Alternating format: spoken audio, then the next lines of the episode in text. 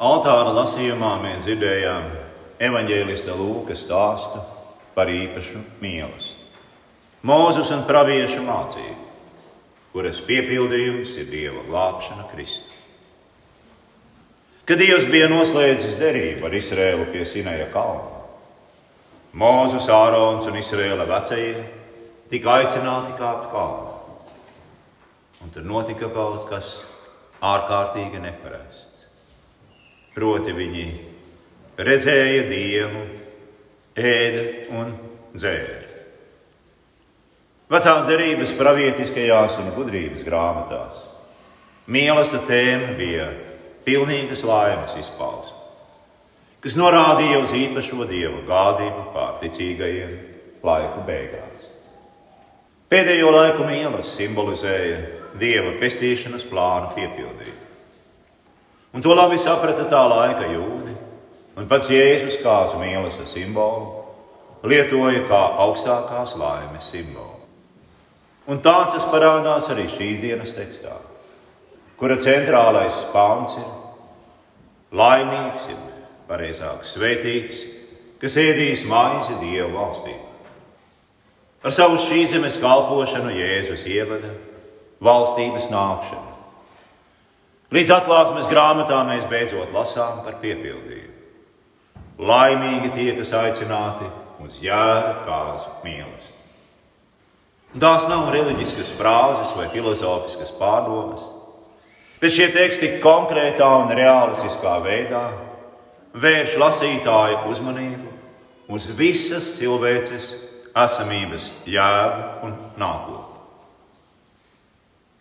Mīlestība tēma ir sens stāsts par to, kā Dievs priecājas pasniedzot cilvēkiem savas labās lietas, iesaistot cilvēku viņa paša priekā par savām dāvanām.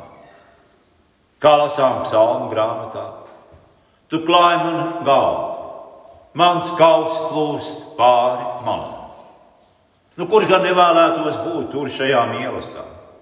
Kurš pilnīgas laimes vietā izvēlētos visšausmīgāko nelaimi? Bet lietas nav tik vienkāršas. Viens no tiem, kurš sēdēja kopā ar Jēzu pie galda, izsaucās: Laimīgs, ir pareizāk sakot, svētīgs, kas ēdīs maizi Dieva valstībā. Nu, kurš gan varētu pasakīt vēl ko labāku? Pēc par sevi saprotams, ka šis pāns ir arī galvenais šī dienas tekstā. Bet Jēzus nepamet šo cilvēku tikai ar viņa dievbijīgajām frāzēm. Viņš rūpējas par šo vīru vairāk nekā pirmajā brīdī šķiet.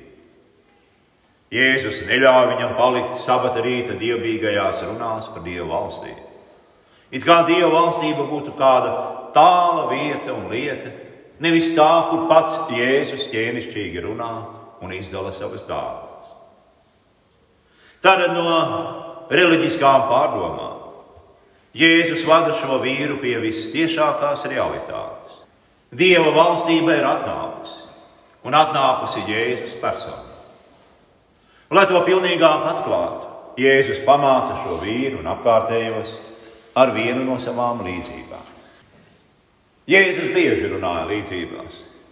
Viņš sacīja, ka valstības noslēpumi ir apslēpti šīs pasaules gudrajiem un atklāti ticībai.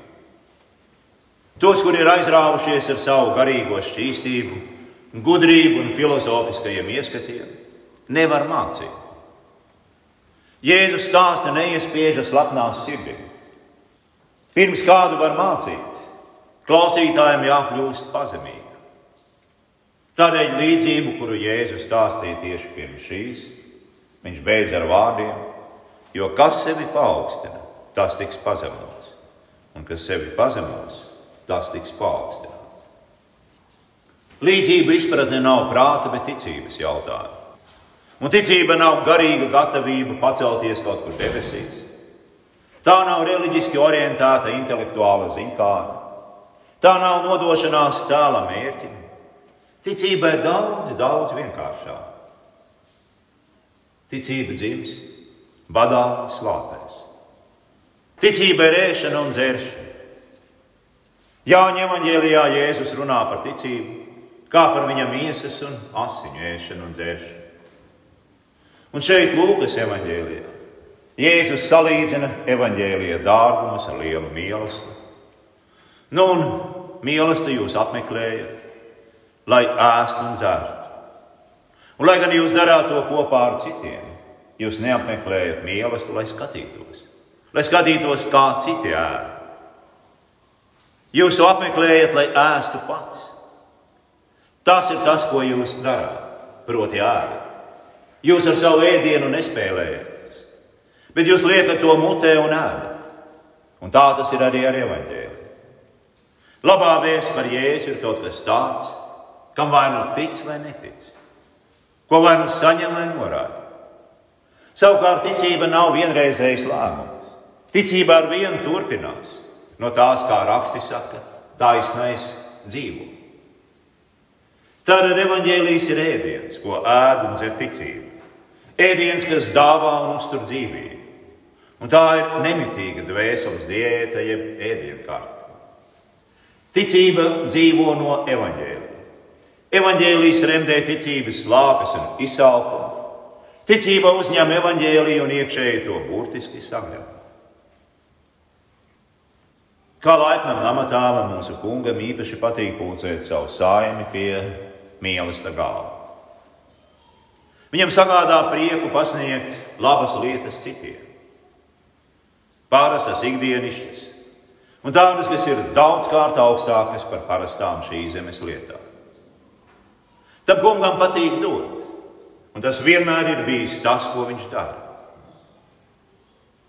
Kad Dievs radīja pasauli, Viņš bija tik ļoti apmierināts ar to, ka viņš nevēlējās paturēt to tikai priekš sevis, bet viņš nolēma radīt cilvēku pēc sava tēla un līdzības. Cilvēku, kurš spētu kopā ar viņu baudīt un priecāties. Jo Dievam ar vienu ir ko dot. Viņam nekad netrūks. Viņam ar vienu ir ko dot vairāk un vairāk, vairāk nekā mēs spējam pat iztēloties. Un paraugieties uz debesīm, uz visumu visapkārt, uz neskaitāmajām planētām, zvaigznēm, galaktikām, miglājiem un vēl daudz ko citu. Pavērojiet dabas pasauli ar tās krāšņo vegetāciju, zivju, putnu un dzīvnieku bagātību. Kādēļ gan Dievs to visu radīja? Kādēļ viņš radīja kaut ko tam līdzīgu? Vai nepietiktu ar kaut ko daudz mazāk, un mērenāk un vienkāršāk? Kādēļ tas viss ir tāds? Tik bagātīgi, tik krāšņi, tik daudzveidīgi. Tas tā ir tādēļ, ka Dievam patīk vairot prieku. Viņam nesagādā prieku simts vienādiem. Viņam patīk dažādība, katrs atsevišķais, īpašais. Un viņam ir liels prieks par katru vienreizējo būtni, par katru cilvēku. Un viņš aicina ikvienu līdzi dalīties viņa priekā. Tas nav kāds personisks, reliģisks pārdzīvojums. Tas nav prieks pašam par sevi, bet tas ir prieks kopā ar Dievu par katru atsevišķo Dieva radību. Tik neaptverami daudz prieka ir visā tajā. Kad mēs lasām radīšanas stāstu, mēs ievērojam, ka prieks paradīzē par katru atsevišķo radību bija saistīts ar to, ka katrai radībai tika dots savs vārds. Katrai. Vārdu došana, ko Dievs uzticēja Ādamam, bija priecāšanās, par katru īpašo dieva dāvu. Saņemt to, aprakstīt, pacelt augšu pret Dievu un pateikties viņam. Nu, tas bija patiesi īpašs prieks.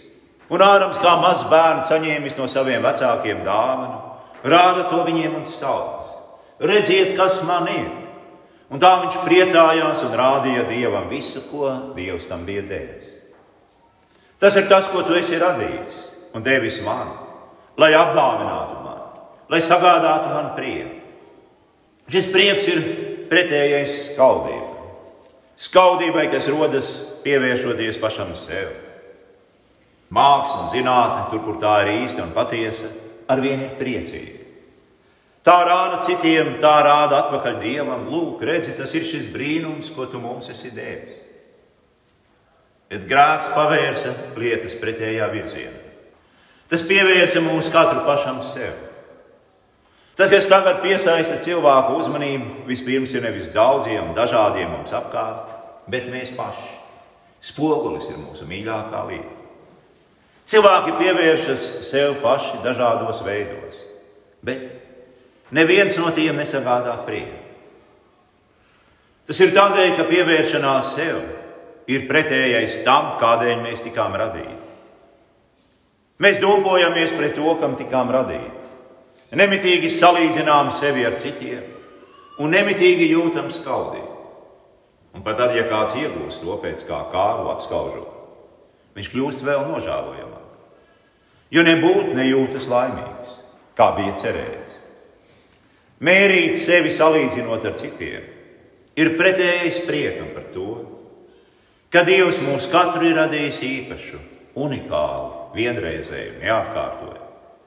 Un tādēļ grāks saka, nē, man tas nepatīk. Es varu priecāties tikai tad, ja varu sacīt, tas ir mans. Mans bez dieva un citiem, ar kuriem dalīties. Un tad vairs nav priekpilnas pateicības, bet ir tikai skaudība un dusmas. Tas ir izmisīgs mēģinājums stāties Dieva vietā, darīt sevi par Dievu. Viss ir mans, un es neesmu nevienam par to pateicību parādīt. Tas ir mans, un tas ir tas, kā es gribu, lai tas būtu. Tas ir veids, kā mēs tiekam kārdināti domāt arī par Dievu. Tas ir tas, kādi mēs vēlētos būt. Kāds vēlas būt katrs grēcinieks? Ja mēs būtu Dievs, un mēs varam būt tam līdzīgi, tikai tad, ja tiekam no viņa vaļā. Jo nevar būt divi dievi. Nevar būt kāds, kam pieder viss, un kāds, kam nepieder viss.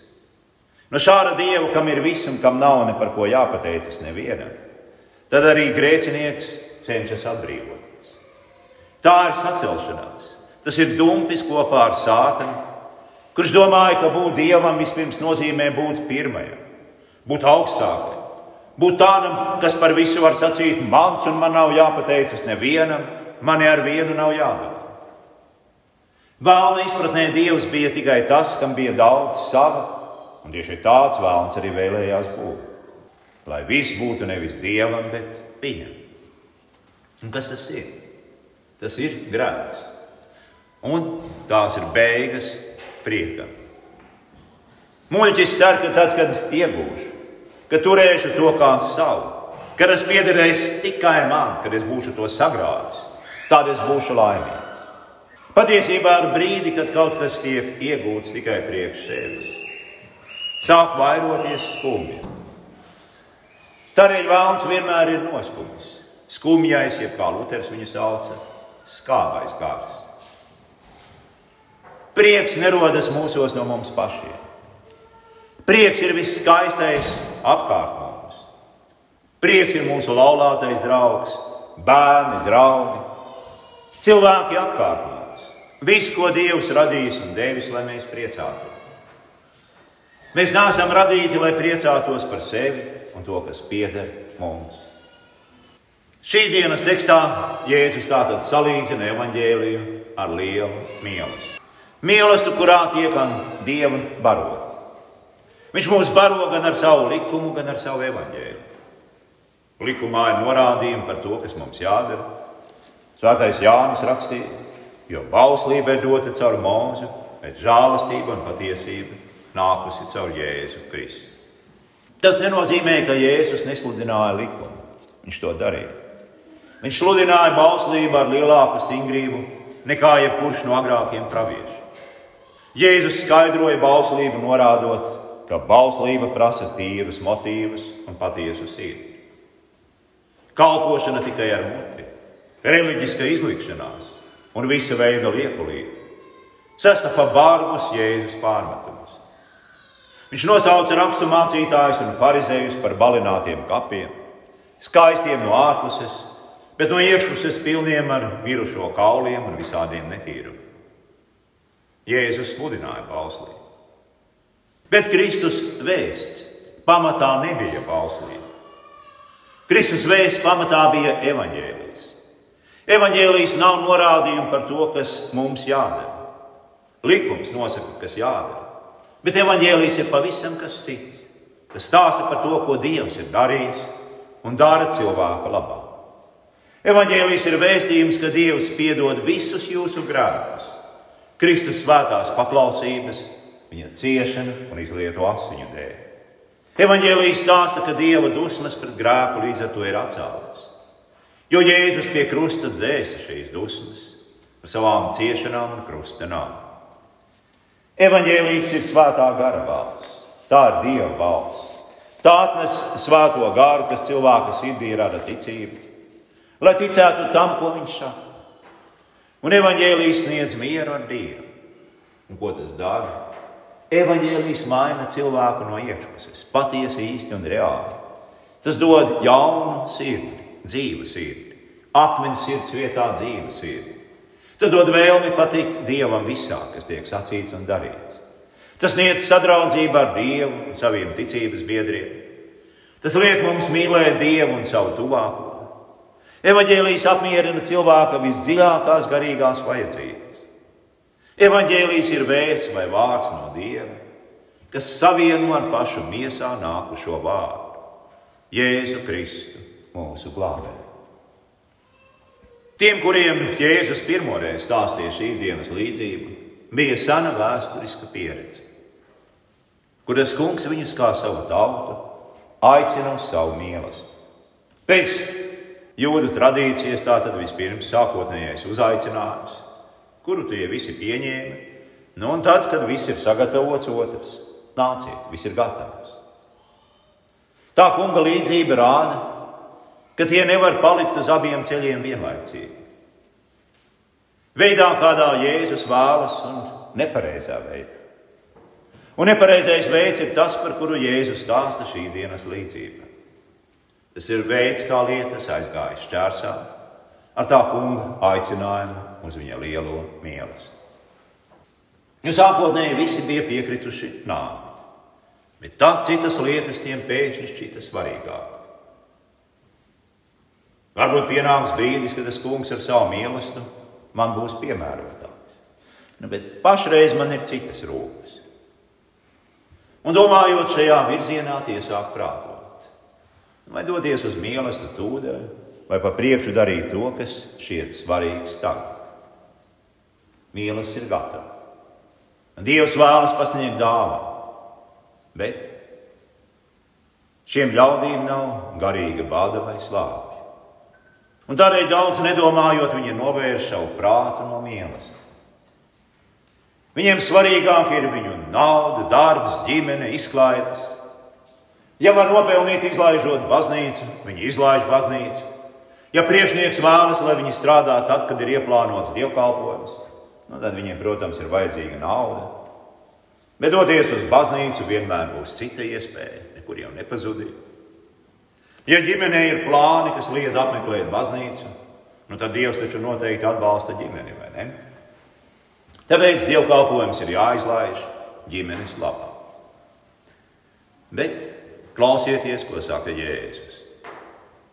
Kad viņš stāsta par cilvēkiem, kur izlaiž mīlestību, lai apskatītu kādu zemes gabalu, pārbaudītu piecus vēršus vai svinētu kāzas, viņš stāsta, ka mūsu bagātība, darbs un ģimenes, lai gan, protams, ir svarīgas, par to neviens nestrīdas. Tomēr nebūtu tās nav tik svarīgas kā Jēzus mīlestības. Dieva dēls zina labāk par mums, kas mums ir vislabākais, visderīgākais. Mums vienkārši vajadzētu viņu uzklausīt. Jo teksts beidzas ar svinīgā zvērstā veidā teiktiem biedinošiem vārdiem. Jo es jums saku, neviens no lūgtajiem viesiem nebaudīs manu mīlestību. Diemžēl arī kristieši atkrīt no ticības. Tā ir rūkta patiesība. Viņi domā, ka tas nevar notikt ar viņiem, bet var. Tas, kā tiek pavadīts laiks, lietota nauda, kam tiek pievērsta uzmanība, kam cilvēks pieķeras, tas atspoguļo to, kas tiek vērtēts visaugstāk. Un kad tīrums, vēršana, laulība, bagātība, darbs, mājas kļūst svarīgāki par evaņģēlīja klausīšanos un ņemšanu pie sirds, tad cilvēks pieviņ pats sevi un māca sev nicināt dieva mīlestību mācās attaisnoties un meklēt attaisnojumus. Bet tādu nav. Šeit, protams, nav runa par cilvēkiem, kuri ir slimi, vai no sevis neatkarīgu iemeslu dēļ nevar nokļūt baznīcā. Tie runa par cilvēkiem, kuri izvēlas savu darbu, ģimeni, sportu, ceļojumus, ienākumus, visu vērtēt augstāk par Dieva vārdu klausīšanos un mācīšanu. Baznīca pulcējas kopā uz dievkalpojumu svētdienas rītā kopš Jēzus augšām celšanās no mirušajiem. Tajā agrīnajā laikā svētdiena nebija brīvdiena. Ticīgie nāca kopā uz dievkalpojumu pirms darba sākšanās agri no rīta, un pēc tam atkal vēlāk vakarā kopā pēc tā. Un tā kā jau 2000 gadus turpinās dievkalpojumu svinēšana, svētdiena, mums nav nekāda iemesla ieplānot ko citu svētdienas rītā. Kā vien apmeklēt baznīcu, un ēst un dzert, baudīt mīlestību, ko Jēzus ir sagatavojis. Ja, bet vai tas nav reliģisks fanātisms? Redziet, cilvēka dzīve 21. gadsimtā ir profāna, fanātisma pilna, sakošana viltus, gara sirēnā un nāves kultūras lētajiem un bezjēdzīgajiem priecīgiem. Sakošana alkatībai, izlaidībai un sevis pludināšanai.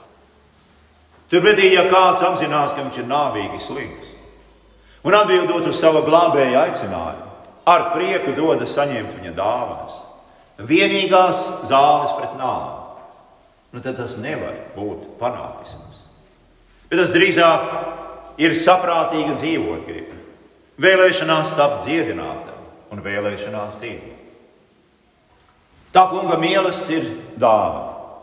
Un tādēļ, ka tā ir dāvana, To var ne tikai saņemt, bet arī noraidīt.